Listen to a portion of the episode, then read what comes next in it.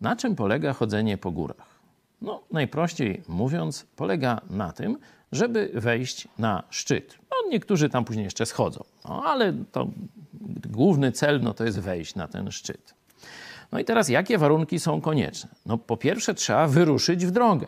No to już jest problem, bo to są, wiecie, różne przeciwności. A to tam deszcz pada, a to y, tam temperatura nie taka, nie? Czyli no wyjdą ci, którzy nie wyjdą z domu, no nie dojdą na ten szczyt. No powiedzmy, że już wyszedłeś, jesteś w drodze, no ale tu się zaczynają e, różne przeciwności. To tam ślisko, to e, gdzieś śnieg, to deszcz, to wicher, to kamienie jakieś nie takie, śliskie i tak dalej. E, pewnie wrócę, nie? A dalej idziesz a tu zmęczenie bierze nad tobą górę, już zasapany, idziesz naprawdę powolusieńku. Kto dojdzie na szczyt?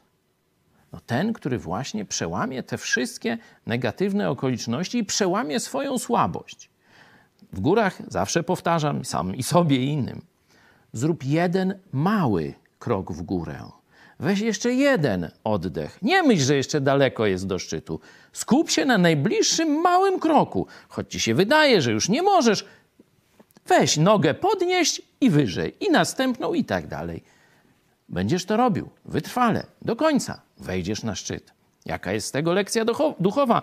Zobaczcie, apostoł Paweł w pierwszym liście do Koryntian, 15 rozdział, tak mówi.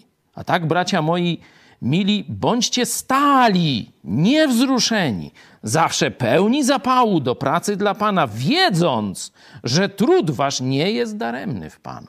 Trud, nie lekkość, trud. Życie chrześcijańskie będzie trudne.